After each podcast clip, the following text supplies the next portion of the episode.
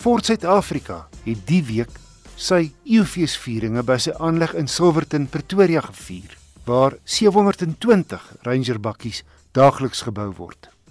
Ford bou ook enjins by sy Stroondale aanleg in Kebega en dis hier destyds Port Elizabeth waar Ford in November 1923 sy aanleg begin het. 70 werkers het elke dag 10 model T Fords met stelle uit Kanada aan mekaar gesit. Henry Ford, wat die maatskappy 120 jaar gelede gestig het, se agter-agterkleindogter, Elena Ford, self ook op by die maatskappy, het ook die verrigtinge in Pretoria bygewoon.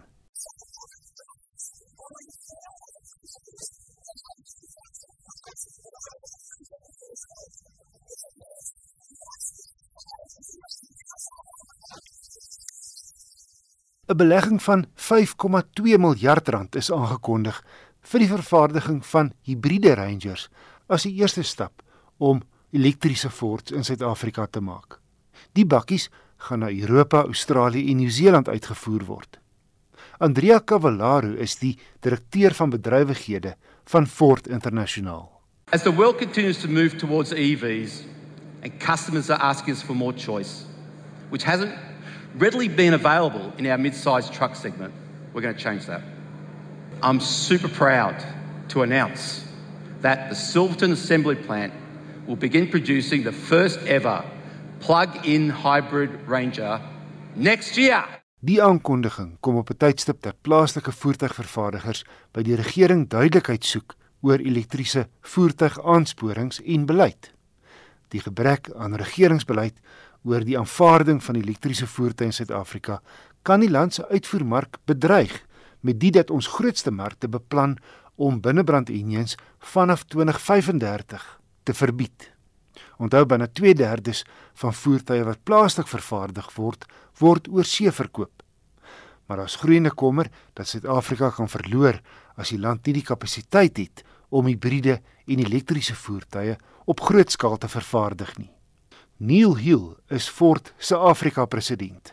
We as the automotive industry and specifically NAMSA have been engaging very extensively with the government in terms of helping to formulate a policy that allow us to really protect a very important part of our manufacturing base in South Africa. You know, the automotive industry is a key contributor to South Africa. We contribute over 5% as an industry to the GDP of South Africa. And one of the things that we are all very concerned about is our future of producing vehicles especially in scale for export.